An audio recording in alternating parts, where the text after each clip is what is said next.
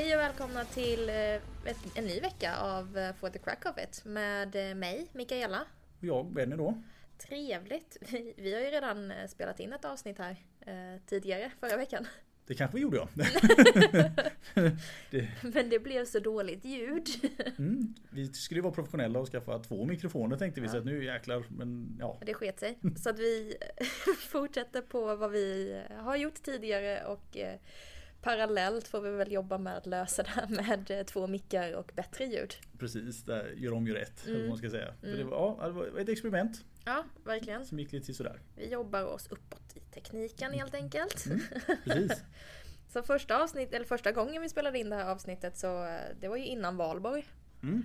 Och nu har valborg varit. Så det kan vi prata om valborg. Så det kan vi prata om valborg. Precis vad som har hänt. Så här, Mm. ja. ja, jag hade en snickarhelg faktiskt. Jaha. Hade jag, så här, ja. så tummen mitt i handen helg. Ja, verkligen. Ja, så att jag, jag har inte riktigt färdig men nästan snickrat klart en, en pergola hemma i alla fall. Det, En pergola. Ja, precis. Solskydd. För uteplatser, altaner och sånt där. Med heltak eller? Pergola har oftast inte helt tak utan ska mest vara för solen så att det är ribbor istället för tak. Aha. Du förstår precis vad jag menar? Ja. ja, i alla fall. Jag har snickrat lite i alla fall har jag gjort. Ah, att, ah, ah. Så, ja, Trevligt. Ja, faktiskt. Hur mår kroppen nu då? Eh, Jo, jag hade lite kramp i baksida lår igår och stått mycket på stegen. Skulle montera taket så det, det var en sån här ålderskrämpa. Men annars så, ja, förhållandevis bra Apropå ändå. gubbvader och... Ja precis, jag fick steg baksida lår fick jag så här istället. Så, det, ja. Så nej, det, det var bra. Och själv då, hur blev det i valborg? Blev det något vrålfestande eller hur gick det? Ja, det var ganska chill faktiskt. eh, tränade lite, eh, hämtade min motorcykel. Ah, Eh, det sket sig. Nej, det gick ganska bra faktiskt. Eh, den har alltid bråkat varje gång jag har eh, hämtat upp den. På, ja, från, från vinter-ide, så att Vinter-ide. säga. var, var har du den i vintiden någonstans? Då? I år hade jag den hemma hos mina föräldrar. Hos dina föräldrar? Mm. Jag trodde den var ute i Emmaboda för de har en, eh, eh, ja vad ska man säga, lokal där. Men då, ja. Men den kom aldrig dit. Det kommer nej, okej. Jag stannade hemma hos Så dem den istället. stannade hemma hos mina föräldrar och eh, ja, då hann ju de eh, ladda batteriet och Mm. dra igång den och varmköra den lite och se om det var något som bråkade. Och det var ingenting i år, jag är så glad. Ja, så den bara startade upp och du kunde bara bränna iväg på en gång. Jajamän! Ja, så glitter i ögonen här. Ja, Ja, ja, det var... Ja, det är väl ett klassiskt vårtecken ändå när Mm. hojen kommer fram. Jag själv är ingen motorcykelåkare ska jag villigt erkänna utan det är en vanlig cykel. Ja, Som gäller för mig. Jag, jag, jag, det går snabbt. ja precis. 25 km i Ja timmen. precis. Allt över 30 känns woo. Det undviker vi. Ja. Jo, jag har ju åkt med dig i bil så att... Ja, ja, precis, ja. Ja, jag är inte direkt känd för mina tunga fötter i bilen ska jag inte säga. Jag, jag har en, ja, som vår andra kollega Lasse brukar säga, en traktor som jag kör. Mm. Den, den glider jag runt med. Just det. Det räcker. Jag tar mig från punkt A till B, sen att det tar en timme istället för 10 minuter. Ja. Jag kommer från punkt A till B. Så enkelt är det. Det går ju ofta snabbare att krypa då. Nästan till. Ja, alltså, jag, jag, jag är in, ingen fart i mån. Det är Nej. inte. Nej men det behöver man inte vara. Nej. Jag vill säga att det inte jag heller. Men jag har både tung fot och handled kan man väl säga. Både och så. Mm. Eller i motorcykeln så blir det nästan lätt fot och tung hand då istället. Ja. Ingen broms utan bara gas. Så här, rakt av. Ja, Okej. det hjälper ju inte att jag har en sporthoj. Nej precis. Så det liksom, det bara kittlar i det att det måste gå lite fort. Ja. Vi fick en liten lyssnarfråga förra veckan. Som vi tänkte vi skulle få eh, svara på. Och, eh, eller ja, Benny skulle få svara på. Eh, och förra veckan, eller för, sist vi spelade in det, så gick ju du in på en ganska lång utläggning av den här.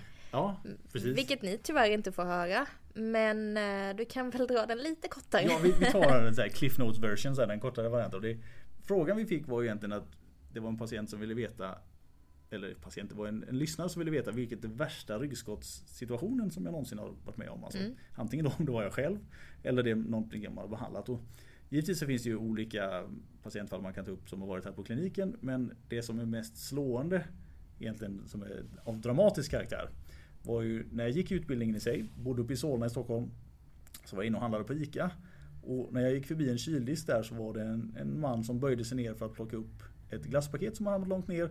Värt. Ja, värt hela vägen. Och precis då i bottenläge där, när fötterna nästan lättar ifrån golvet. Så skriker han rakt ut. Mm. Alltså ett högt så här illtjutsvrål där och blir hängandes över frysdisken. Mm. Och ja, så det blir alltså ett ryggskott pang bom där när han står och liksom häver sig ner i kylen helt enkelt. Jag och en, eh, ett biträde då från butiken där försökte hjälpa honom upp. Men han skrek så mycket och hotade oss till livet båda två så att vi, vi fick liksom låta honom vara kvar där och ringde efter ambulansen istället. Så, som kom dit och fick ge honom morfin och muskelavslappnande och lite sådana saker. Och sen tillsammans då fick vi, ja, mer eller mindre då hjälpa honom ut. Och vi, det var jag och de två ja, ambulanssjukvårdarna som hjälpte honom ner på britsen där och så fick han åka därifrån sen. Mm. Jag vet inte hur det gick efteråt men det var ju uppenbart ett av de mest ja, traumatiska Mm. som man kan tänka sig. Framförallt när du fastnar liksom som i en kyldisk och sådär. Ja men den är ganska utsatt när man så hänger och dinglar med, med stortårna som kanske nuddar som golvet. nuddar lite, ja, precis, ja. Den har man ju själv gjort några gånger när man ska ta sista glasspaketet i, på Citygross liksom. Ja, precis. Ja, jag, jag har ju inte riktigt det problemet. Född med aparmar så att jag når ju liksom ner. Det jag har varit mest orolig för i de lägena är att jag ska trilla i frysdisken men, men inte ryggskott.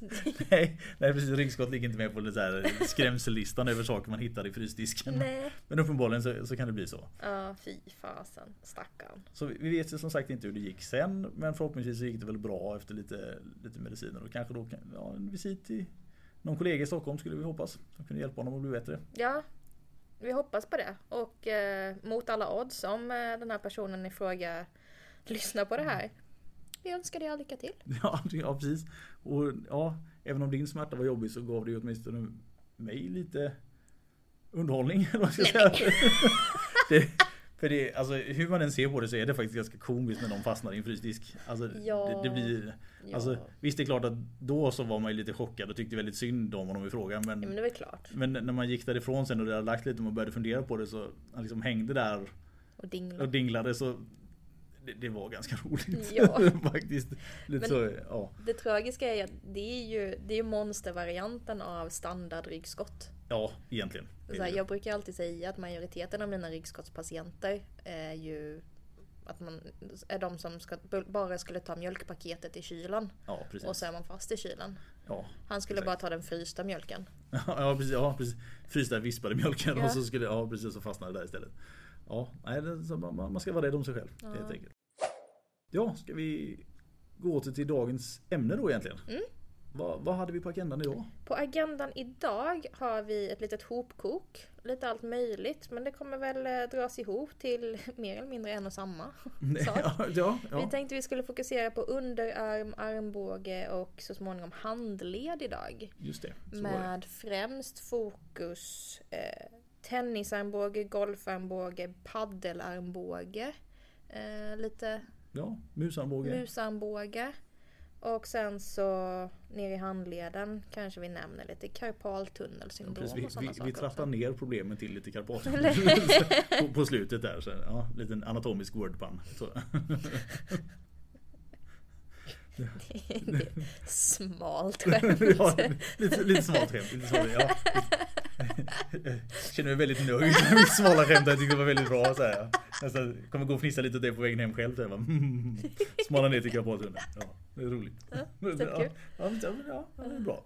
Ja, men vi, vi skulle alltså prata lite grann. Nu, nu är det många olika namn här på, på golfarmbåge, tennisarmbåge och, och sådana saker. Och det, Mm, det, det är egentligen underarmsproblem oavsett vilken label eller sådär man vill sätta på det. Så, så, exakt. så är det ju alltså, det. det man kan koka ner det till är att golf, tennis och eh, paddel om vi drar Mm. in det nu då för att det har ju blivit väldigt trendigt. Mm. Ehm, Det är ju uteslutande samma problematik men traditionellt sett på lite olika sidor i underarmen eller eh, armbågen. Det handlar ju om en överansträngning i muskulaturen som leder till eh, drag i eh, infästet och senor eh, i armbågen eller på sidan av armbågen om man säger. Mm. Och att man får lite inflammation och besvär. Långvariga besvär Mm. eh, i, de, i många fall. Men, men att det är det, det det kokas ner till. Sen att du har fått flera namn. Ja, det är ju förvirrande. Ja, och det har väl lite att göra med när, alltså, vilken tidsepok man tänker på. Ja. Alltså, vad det var vanligast att man fick det av. Precis. Alltså säger, problemen på framförallt utsidan av, av armbågen. Säger jag och klappar mig själv på armbågen. är supertydligt. ja, igen det där med tydligheten. Så eh, var ju mycket kring eh, arbetet med de här gamla mössen som var till datorer och sånt där. Mm. Alltså, mycket där det började med statiska positioner, jobba lite för långt ifrån kroppen. Möss eller musar? Vad säger man? Jag vet inte. Datormöss? Datormusar? Datormöss va? Mössar? Om det finns någon svenska lärare som hör det här nu så kan du väl bara, om vi säger fel kan du väl bara säga ja släpp det och så går vi vidare. För vi, vi, vi, vi nej, en mus, flera mössar eller vad säger? Mössar? Mössar, ja precis, flera mössar. Nej, i- alla fall. Åh, vilken segway det blev in på svenska Men sånt språket. här kan jag ju bli galen på. Men okej, ja. Dator. Dat, dator. Datarmössar. Ja, nu, nu är det mycket fel. Ja. Nej, alltså när man jobbar med kontorsarbete egentligen, det är lite Ja. dumma positioner och det, blir Framförallt det som vi ofta nämner i många problem så är det statisk belastning. Mm. Alltså det, det, det är det det blir. Alltså att man, man får för mycket och för lång aktivitet i någonting så att det blir liksom irriterat. Mm. Och då, då blir det bökigt. Mm. Så, och börjar ju oftast i en lite så smygande karaktär att man får ont lite då och då. Alltså så här, kanske efter vissa aktiviteter och så har man ont i ett par dagar och så går det över. Och sen gör man inte så mycket åt det eftersom det försvinner. Det går så, över. Ja, så, så struntar man i det lite grann. Mm. Och sen efter ett tag så byggs det upp så pass mycket så att då blir det mer, mer ihållande. Det försvinner inte och man får mer problem så att det liksom eskalerar. Mm. Och alltså smärtan med de här sakerna. De flesta som har en lite lindrigare här, kanske inte tycker det är så farligt. Men när det går upp på de här lite högre nivåerna och blir riktigt jäkla smärtsamt så kan det vara svårt att bli av med. När man har aktiv inflammation liksom. Ja precis. Mm. Det är många som kommer hit när det har blivit sådär illa så hoppas ju på att det ska vara någon sån här quick fix att man bara tar tag och rasslar lite i armen så ska det släppa. Och så, så enkelt är det ju inte det. Det, det många klagar på är ju det här alltså, svagheten i handen som blir. Mm. Alltså att man, ja, det, det är så mycket smärtsignaler som går så att du egentligen tappar förmågan att greppa lite hårdare. Jag att, kan inte längre hålla ett glas vatten. Nej, att det, det går liksom inte. Utan det, det gör sådär ont så att det ja, söker dem lite grann. Man, man, blir, alltså, man är ju inte fumlig men handen agerar precis som att man vore det. För att Mm. smärtan är så dominant i, i området där. Och då, då, då är det rätt bökigt. Helt plötsligt. Ja, det, det strular ju till eh, livet om man säger så. Mm. Det kan man ju lugnt säga. Ehm, jag vill ju också så här, för mig eh, så är musarm när det går upp hela vägen i axeln. Mm. Man har liksom den totala armpåverkan. Ja, egentligen. precis. Eh, Så att för mig, när jag tänker musarm så är ju det när det har gått från eh, det här statiska arbetet där man traditionellt sett då jobbar mycket med att sträcka på pekfingret. Och man Mm. får en överansträngning upp i underarmen och kanske armbågen. Och sen på grund av det en överansträngning upp i överarmen upp mot axeln. Mm. För mig är det en musarm. Ja. Medan de övriga namnen som vi har eh, nämnt, tennis, golf, paddel, är mer isolerad armbåge. Det ska man kunna tänka. Inte helt omöjligt. Det, nu tittar Benny på mig som att så här bara...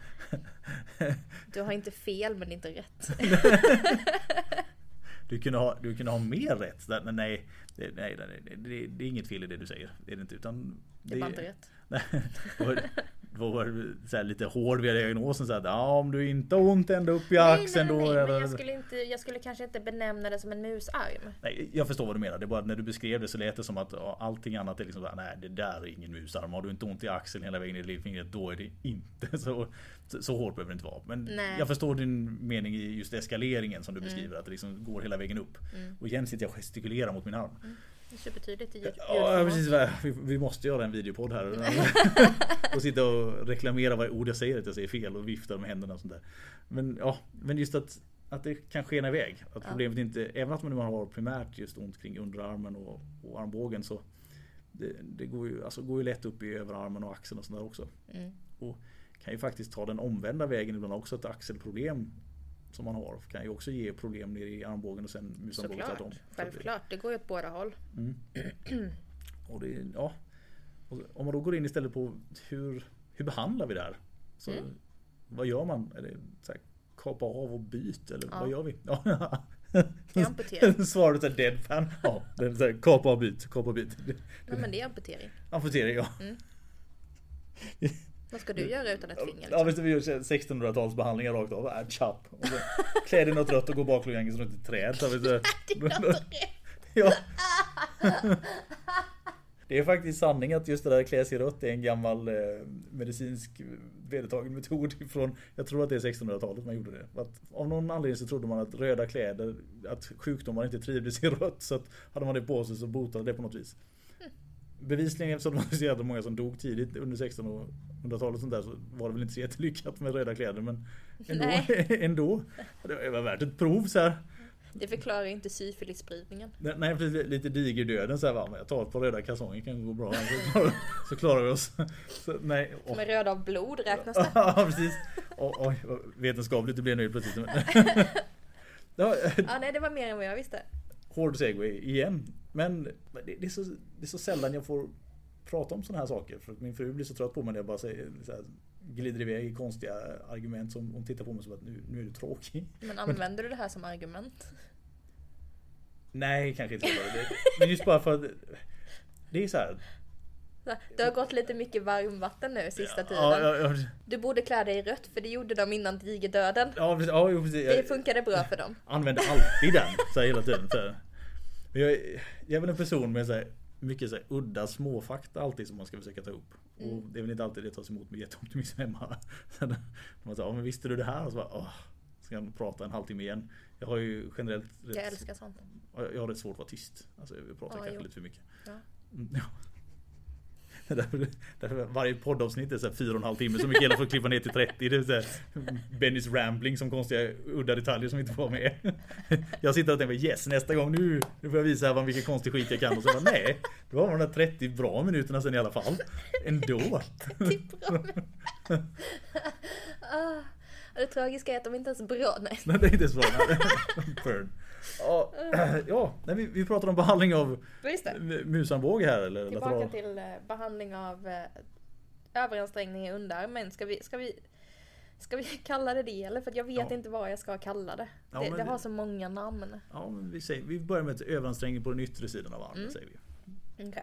Hur går en behandling tillväga? Ehm, en, oj, om någon kommer in med, med smärta i eh, den yttre sidan av underarmen och eh, man misstänker en överbelastning i muskulaturen och, och en inflammation i, i muskelfästet eller så. Mm. Då jobbar jag främst med mjukdelar. Det är klart jag går igenom leder och, eh, i både handled och armbåge och axel och kanske även eh, upp i ryggen och så. Eh, bara för att få ha bästa möjliga funktion. Men majoriteten av min tid lägger jag ändå på mjukdelsbehandling och kanske stretching, kanske massage, lite triggerpunkt. Eh, det brukar vara vidrigt. Mm, ja, smärtsamt är det ju. Det. Ja, det brukar vara riktigt hemskt. Men effektivt. Mm. Ehm, för att få blodcirkulation helt enkelt. För att vad som händer när en muskel är överansträngd är att du får en form av kramp i muskeln. Mm. Alltså det drar ihop sig, det blir trångt och när det är trångt så har du inte lika bra blodtillförsel. Det Nej. blir lite trängre även för blodkärlen. Precis. I och med att det är trängre för blodkärlen så har det f- mindre andel blod, syre ut i muskeln. Precis. Ehm, vilket gör att muskeln har ytterligare svårare för att slappna av och för att läka. Precis. Genom att få ett ökat blodflöde dit med hjälp av massage, triggerpunktsterapi, stretching, värme kan man göra på egen hand och så vidare och så vidare. Så får du mer syre och lättare för muskeln att eh, slappna av. Mm. Så det brukar jag jobba med mycket med, patienten på bänken. Sen finns det ju också stretching och, eh, och träning att göra eh, hemma. Mm. Och ofta så behövs det ju tyvärr några återbesök. Ja, det är det Mm. ganska vanligt här att man får behandla ett par gånger faktiskt. Ja, precis. Och det kräver ju också att patienten i fråga gör sina övningar. Ja, det, det är ju Det- ganska ja. A och O för att hålla ner antalet behandlingsgånger i alla fall. Om du inte vill Precis. alltså, komma hur många gånger som helst så måste du göra det Exakt. du ska. Ja, och vill man leva ett relativt smärtfritt liv, ja men då, då, då är, det- får man jobba lite för det också i de här fallen. Mm, helt klart. Och det, just när du pratar om pressur så här så kommer jag att tänka på en gammal, eh, gammal på en, eh, en lärare som jag hade på, på utbildningen. Mm. Anders Olsson. En väldigt välvuxen man så här, som tyvärr har gått ur tiden.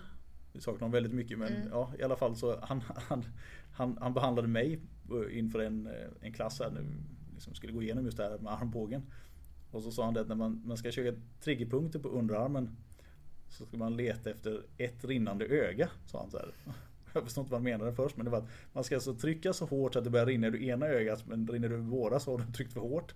Så att man ska liksom ha det som en så här, definition. Det, det, var, det här var ju bara på skoj men det var, det, det var ändå lite roligt så här, för att man ska, man, patienterna blir ju snudd på tårögda. Ja, det är ju en sån vä- väldigt bitig smärta. Ja precis. Det är fruktansvärt ilskt. Och han, han tyckte det där var lite roligt så han, han sa ju det där att vi skulle försöka hitta var sweet spot var, alltså vad var lagom.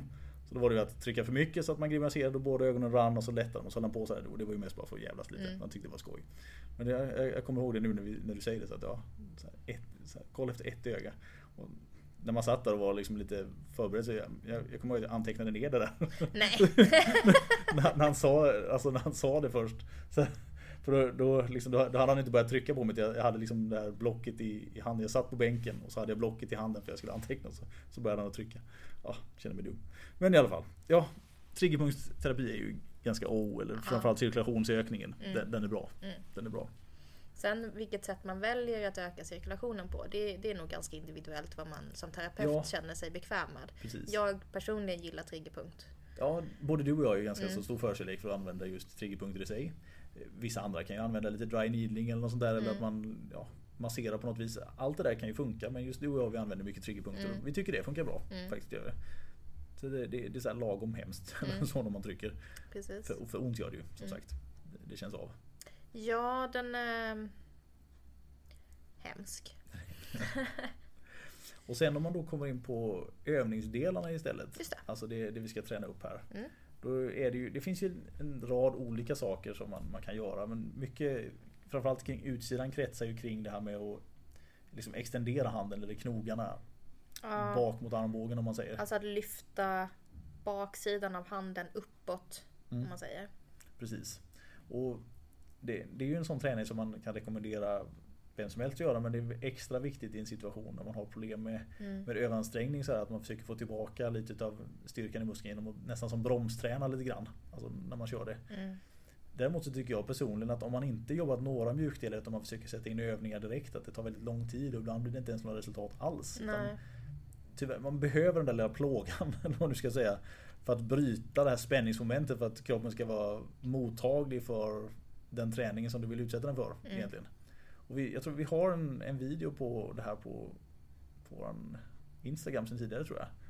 Just extensionsträningen. men vi, jag tänker att vi lägger ut de här, eh, för de här övningarna lite på, på Växjö kiropraktorklinik om man Mm. vill titta på det. Ja just det. Eh, blir för bra. du hade ju dels den här extensions eh, där Mm. du, du du har en förkärlek att vilja använda hela Rörelseomfånget ja. ja. hela rörelseomfånget där du, du jobbar liksom med, ut i fingertopparna också. Ja, precis. Säger. Och det är svårt att förklara. Men vi, vi, vi fixar en, en video med det. Mm. Ja det är nog bäst innan vi försöker göra för mycket här och beskriva. Ja, men video är bra. Ja. Video är bra. Eh, och det handlar ju snarare om en aktivering av extensorerna, alltså sträckmusklerna i underarmen och att man vill jobba med att stärka, stärka dem. Mm. Eh, för att om... Ja, att man vill stärka dem. Ja precis. Helt riktigt. Sen finns det ju en annan vinkel Mhm. som du visade. Vad var det för något? Ja men det är din runk.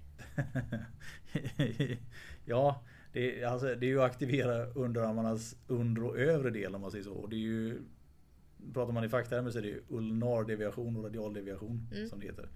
Så det, det är Du egentligen... googlade. Nej, jag har inte googlat men jag... Du kunde inte jag det förra veckan. Förra veckan så kom jag inte ihåg exakt vad det hette men nu Det slog mig faktiskt sen efter att det hette ulnardeviation kom jag ihåg och då, då måste det ju vara radial åt andra hållet. Så när tummen går upp så är det radial och lillfingret går ner så är det ulnar. Mm. Se där.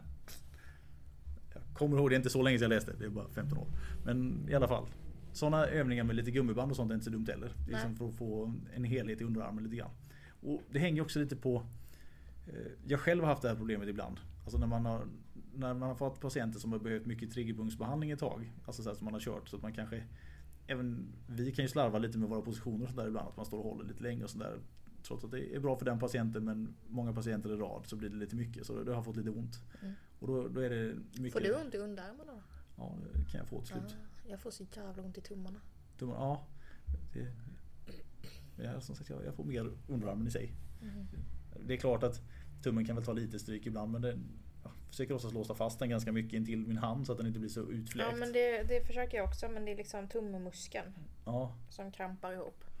Jag kan ju få, men det här är också väldigt bra ljudformat. Men här Ja. ser du ju eh, muskelfibrerna från min tummuskel. ja precis. Mikael har alltså en pik på sin tummuskel här. Biff! Ja precis. Fan, det, det är inte dåligt. Liksom så definitioner i tummuskeln. Holy hell. Ja. Det, ja. Jag brukar inte skryta om mycket men är precis, men det är därför du kör så fort med motorcykeln. Det är för att du kan inte. Wow, det bara så här smäller till så du kan inte liksom gasa mindre. Det är såhär Plattan i mattan Allt direkt. eller så- inget. Allt eller inget, ja precis. Bara nu kör vi. ja. Ja, Är det, ja, nej. Det är ett issue. ja precis. Men det, det är så träningen ser ut där i alla fall. Och om man då istället skulle gå på problemen som är på insidan av underarmen. Mm. Alltså mer det som kallas, ja, är det tennis man brukar säga? Eller golf? Man säger Det är golf. Golf är det på insidan Mm. kanske. Det är klassiskt. Men, Ja. Där, där har vi också smärta då fast den kommer mer från ja, insidan eller ulnarsidan istället. Och så kring, mer kring... Unsi, uh, uh, ulnars, ja. Insidan, när, om du står med handflatorna framåt Mm, eh, så är det ju sidan av underarmen som är närmst kroppen. exakt. Exakt. Så det, det är där oftast den smärtan inte är. Och där brukar oftast kunna finnas ganska mycket strålkänsla ner liksom i lillfinger och sådana saker också. Att det, Mm. det, det, ja, ulnarisnerven på utsidan det ligger lite trångt. Så blir det lite press där så behövs inte så mycket innan den börjar jäklas lite faktiskt. Nej. Får man lätt lite utstrålning och domningskänsla. Ja precis. Och det, det är ju lite samma princip när man ska försöka behandla det här också. Jag behandlar dem exakt likadant. Ja, alltså det är, man ska Bara bara... olika stretch. Ja precis, du trycker inte på samma ställe så du behandlar, ska vi definiera om du har problem på insidan så trycker du inte triggerpunkter på utsidan och hoppas att när du släpper det. Alltså, för då får du trycka så in i helvete, alltså trycka igenom i så fall. För, ja, för att det ska, det ska gå utan det, det Hur byter trodde jag ju... fick de här muskelfibrerna? Ja precis, gräva sig förbi radialis ulnaris nu, gräva så här. Ja, triggerpunkt from hell så. Utan det är på insidan man trycker givetvis. Och det är samma procedur. Alltså vi, vi jobbar med så i alla fall. Få ner trycket. Få in, här blir det då kanske lite mer omvänt. Istället för att vi ska extendera ska vi då försöka att att greppa Ja. Lite mer. Och mycket då det som jag nämnde innan, ulnardeviationen, alltså man går neråt med lillfingret. Alltså de två olika rörelserna. Inte tillsammans, utan var för sig. Mm. Nu, nu får, får Mikaela så djup rynka i pannan. Nej men jag tänker att det här är jätteotydligt. Ja, det, det, vi, Hör du det själv? det, det är nog det faktiskt. Ja. Vi, vi, får, vi får helt enkelt göra videos med de här. Mm. Vi, vi lägger ut det så att det blir lättare att förstå. Vi, Mm. vi, we will shoot videos, som det heter. Ja precis, damn. hipp. Fy fasen, vi, vi gör videos. Det blir en videopodd-dish, så att säga. Ja, Vi, vi, så småningom. så småningom. Vi, vi kommer lägga ut de här Vi, övningarna i vi alla fall. lägger ut det på Växjö kiropraktorklinik. Ja, så att det blir lättare att se. Ja. Ehm, men eh, golfarmbåge är ju inte det enda som kan ge utstrålningar ut i handen.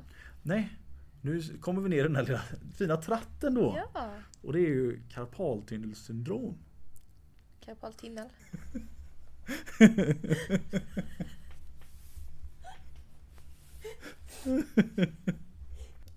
Ja, karpaltunnelsyndrom helt Yes. enkelt. Så, så ska det heta och ingenting annat. Och det, det här är en, ja, vi har ju nämnt det tidigare, eller både du och jag, vi pratade om det här med slaskdiagnoser lite grann.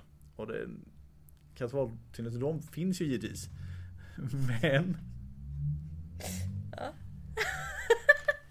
Det är ett svårt ord. Vi har Ja. jätte... Det, ja, nej. Vi, vi, vi har, både jag och Mikael har tydligen ingen tunnel, vi har en tunnel. Tunnelsyndrom, det har blivit fel. Men ett karpal, det, det finns ju som diagnos givetvis, men varje gång det är strålande smärta nere i handen oavsett var det är så är det ju inte karpaltunnel som stryper utan det måste ju vara ett specifikt område. Och vi har sprungit på både du och jag åtskilliga gånger personer som kommer och- alltså med en diagnos då satt att det ska vara karpaltunnel när det strålar Och på fel satta ställen. operationer. Ja precis, när det strålar på fel ställen Mm. egentligen. Alltså när det strålar i lillfinger Mm. istället för i alltså, egentligen tummen och pekfingret och en del av ringfingret. Exakt. Och för att förklara det på ett anatomiskt sätt där jag hoppas att det är väldigt enkelt att förstå. Eh, annars får ni skriva in och klaga. Klaga, klaga. är att eh, karpaltunneln är ett ligament som sitter över handleden. Mm. Väldigt litet. Under den här ligamentet så går en specifik nerv, medianusnerven. Och den här nerven har eh, känselspröt eh, för eh, insidan av handen av tumme, pekfinger, långfinger och halva ringfingret. Så att när, om det blir tight över den här nerven, alltså eh, av ligamentet, eh, så får man ofta då pirrningar eller avdomning och ibland även smärta Mm. På riktigt. handflatesidan av de här eh, tre och en halv fingrarna. Precis. Om man har samma symptom men lillfinger och den sidan av ringfingret. Mm.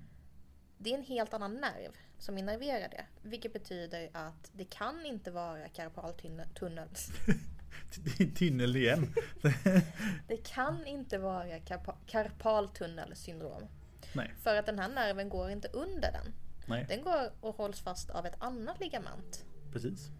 Ehm, Men vi ser lite för ofta här att, på, på kliniken Mm.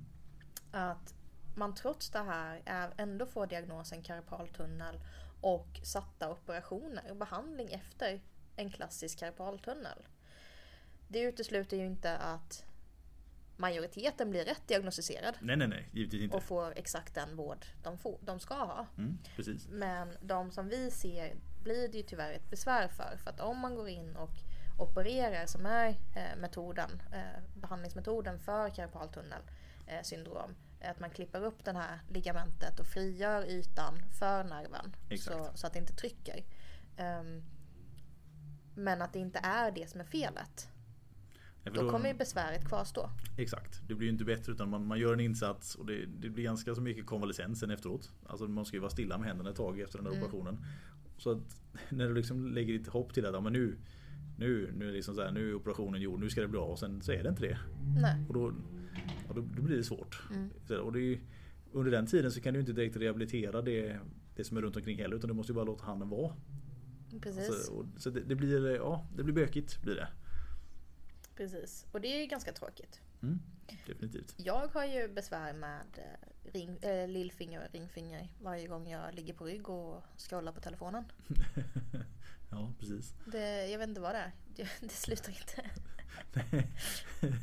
Nej, jag tror det är ganska många idag som får lite sådana problem. Alltså just med, med lite domning och sånt i händerna när man gör, gör någonting statiskt framför sig sådär. Mm. Telefonernas baksida Mm. eller vad man ska säga.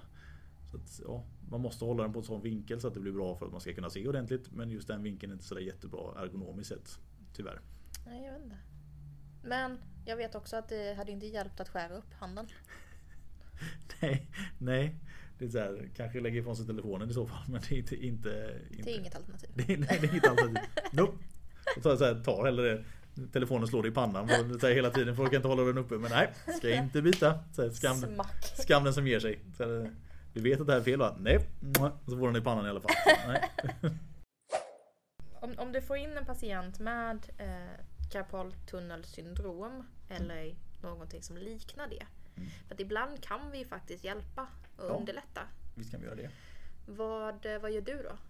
Alltså, dels så brukar man ju gå igenom lite vilka avlastningsskenor och sånt där man kan skaffa sig. Mm. Alltså så här, det, det hänger också lite på hur arbetssituationen ser ut. Alltså, nu, nu säger vi arbetssituationen. Vi, vi förutsätter ju oftast att det som vi gör mest statiskt under en förlängd period på en dag är ju oftast relaterat till det jobbet vi har. Mm. Det är inte så många som ja, om man säger, på sin fritid gör samma sak åtta timmar varje dag. Det, det händer inte så ofta. Det, fin, det finns säkert en och annan men inte så ofta. Och att då hitta någonting som kan avlasta från att lägga press på, på just den här tunneln är ju inte så dumt. Alltså om man kan göra det.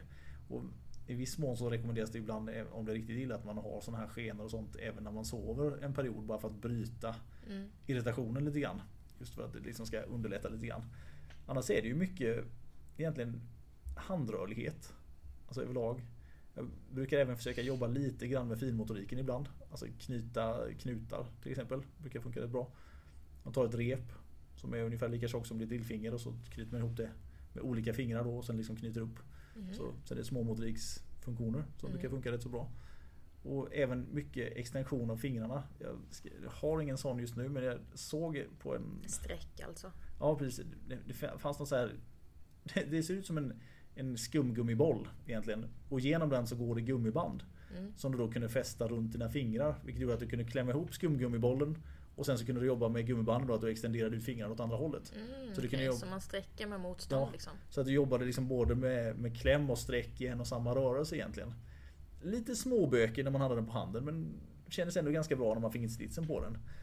Och det, det, det är liksom så här basala rörelser att liksom få separera ut handen så att den liksom att den får öppna upp sig lite grann och att man då jobbar med muskulaturen åt det hållet så att den liksom kan hålla sig utan att bli ihoptryckt egentligen. Mm. Är, om man nu tar en, om vi kallar det för en äkta karpaltunnel så är det mycket det man försöker Mm. att få upp liksom, ja, rörligheten i handen så att den liksom minskar på stumheten och kanske Mm. även få bort lite svullnad om man har tur. Sen om man går på att det kanske inte är en karpaltunnel utan mer att det är klämt någon annanstans. Så var vi inne på det förut. Alltså man kan trycka lite på underarmen om det är därifrån det kommer men även ibland kring skuldrarna och sånt kan det ju vara stelt som skapar samma typ av inklämning egentligen. Och då är det ju lite så vi brukar gå tillväga där också. Lite triggerpunktsterapi runt om de spända musklerna. Kanske korrigera lite som vi brukar säga. Att man gör kiropraktiska justeringar kring Lite knak och brak ja, knak och bak, nedre nacken, över bröstryggen. Mm. Och så lite rörlighetsövningar även för skuldran då. Mm. Alltså stretching framsida, rörlighetsträning överlag. Det, det, det är så det brukar gå tillväga i alla fall. Mm. Och sen kanske man lägger upp att man träffas ett par tre gånger. Alltså man träffar patienten, de får lite övningar med sig. Väntar någon vecka eller två lite beroende på hur hårda problemen är. Och så Mm. följer man upp det och sen så gör man så tre, fyra gånger. Mm. För att se liksom hur, hur det fortlöper med de övningarna de får. Och, och likaså så att man känner att behandlingarna ger Mm. någon nytta om man säger. Så då, då, då brukar det kunna bli bra. Sen Mm. har jag ju sprungit på vissa fall ibland man, man gör allt det här och patienten har varit jätteduktig. Men det blir kniven till slut ändå. Alltså man måste gå in och skära upp den där för det, det har liksom blivit Alltså det har blivit för trångt helt enkelt. Så vad du än gör så får du inte bort den riktigt. Och de där domningskänslorna i handen, du blir liksom inte av med det och då blir man ju tvungen. Mm. Alltså, det, det blir så obekvämt och så svårt med finmotoriken till slut så att du blir nästan så illa tvungen att göra det. Mm. Tyvärr. Mm. Även, även om, ja, ni hade säkert det ni också när ni pluggat. eh, Någon, alltså, vi hade en kirurg som undervisade just den kirurgiska delen av behandlingen som sa det att oskuret är bäst. Alltså, Ja, det, gud ja. det är alltid minst risk men om du inte behöver gå in och skära. Men utemellan finns ju inget alternativ utan man måste. För att det går inte. Nej helt enkelt. precis. Ehm, att öppna hudbarriären, bara det är ju en ökad risk. Ja, Och att gå in och visst är det så. rota är ju... Rota runt ja. Ja men rota Ja. runt. Det, det, det är väl en sista utväg. Ja, precis. Vi nämnde ju det här lite även när vi, jag att det var när vi pratade om diskbråck i tidigare avsnitt att Även om det nu är så att du hamnar i den situationen att du blir tvungen att operera till slut. Har du gjort mycket rehabilitering och sånt innan och du har tränat upp området så brukar ju oftast resultatet av operationen bli bättre Mm, också. Mm. Alltså din, din konvalescens eller den tiden som du inte kan röra dig blir liksom bättre för att du var så stark när du började. Mm. Och så vägen tillbaka går ju snabbare för att ja, du är inte nere i källaren i funktion. Nej. Alltså när man gör det. Så att mycket ska vara sagt för att även om du hamnar i det läget att det blir en operation till slut så är det mycket vunnet på att göra lite rehabilitering och sånt.